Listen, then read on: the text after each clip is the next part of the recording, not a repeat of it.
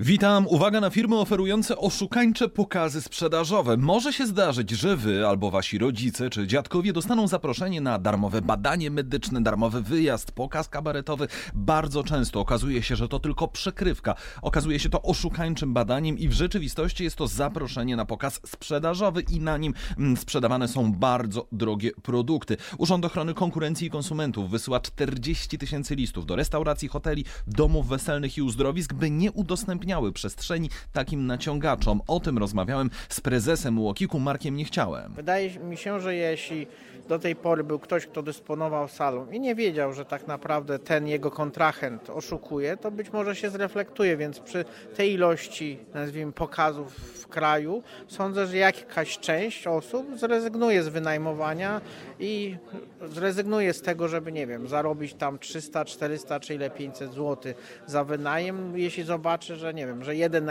emeryt jest poszkodowany na kilkanaście tysięcy, że może jednak ktoś tam no, się zreflektuje. Jak duża jest skala tego problemu, jakbyśmy spróbowali ubrać to w liczby? Ile jest takich firm, ile macie namierzonych, ile jeszcze widzicie, że może być potencjalnie takich miejsc, ile osób może być poszkodowanych? Znaczy, jeśli chodzi o miejsca, to jest bardzo dużo i one są nieraz powtarzalne, nieraz się zmieniają i tutaj jakby charakter tych miejsc, no mówię, no, są na przykład z, z takie te sale ślubne, jak to dość modne ostatnio, tak? Są też no, związane no, z parafiami niekiedy, no ale standardowo to najczęściej są hotele, bo to też y, jeśli chodzi o taką zachęcenie konsumenta, tak, on jest pierwszy raz na przykład zapraszany do najsłynniejszego hotelu w okolicy na darmowe jakieś tam badanie, tak, więc jest no choćby z tego powodu zainteresowany, tak. Pytanie, czy jeśli ja jestem tym topowym w okolicy, nazwijmy hotelem, czy jakimś innym tego typu instytucją, czy naprawdę chcę, żeby no, nazwijmy, mój wizerunek był związany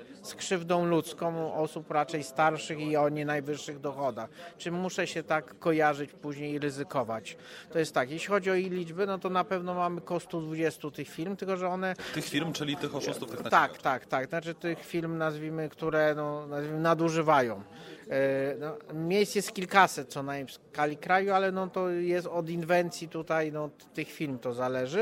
E, problem jest też, że w miarę znaczy łatwo założyć taką działalność i łatwo ją też przekształcić w razie postępowań e, naszych administracyjnych wobec takich firm. No właśnie, bo zauważyliście, tak, że pojawiają się firmy, czy są firmy, które właśnie nazywają się na przykład, że Fundacja tego świętego, innego tak, świętego. Tak, tak. To nie musi mieć wcale nic wspólnego z tym Nie, nie, nie, to nie ma, to, to jest chyba właśnie, bo święty Franciszek akurat to jakby ta firma tak, która tam jakby jest najbardziej znana, tak, no był znany z ubóstwa, ale to chyba chodzi o doprowadzenie tych konsumentów do ubóstwa przez kontakt z tego typu firmą, która jest tak naprawdę działa nieetycznie i, i oferuje produkt, który nie spełnia, znaczy usługę, która tak naprawdę nie jest usługą, którą opisują, tak? a te badania, które poprzedzają, to, to, to nie są w praktyce żadne uznane metody, znaczy tak naprawdę diagnostyczne, tak?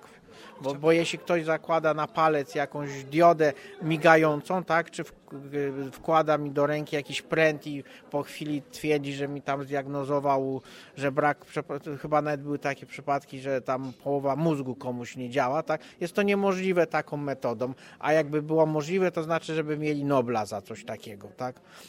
A nie słyszałem, żeby ktoś ich zgłosił właśnie do medycznego Nobla. Chciałbym poprosić o drobną e, poradę dla ludzi, co mają zrobić, bo już wiele osób wie, że no, na takich pokazach trzeba uważać, że tu Tutaj może być pułapka, ale co zrobić, bo często pojawia się problem i to wiele osób sygnalizuje, jak już przechodzimy dalej w tym poziomie świadomości, że jest problem ze zwróceniem tego towaru, bo na przykład firma posiada różne adresy, albo e, potem mówią, że no przysłał pan ten towar, ale on został zniszczony, popsuty. Jak skutecznie zwrócić e, ten towar, który kupiliśmy, te drogie koce, pręty medyczne, cokolwiek, żeby odzyskać pieniądze, żeby mówiąc sposób być pewny, że moja ta reklamacja zostanie zrealizowana? Ja bym tutaj radził po prostu skontaktować się z profesjonalistami, czyli albo rzecznikami konsumentów, czy miejski lub powiatowy, lub też z federacją, lub też ewentualnie skorzystać z, info...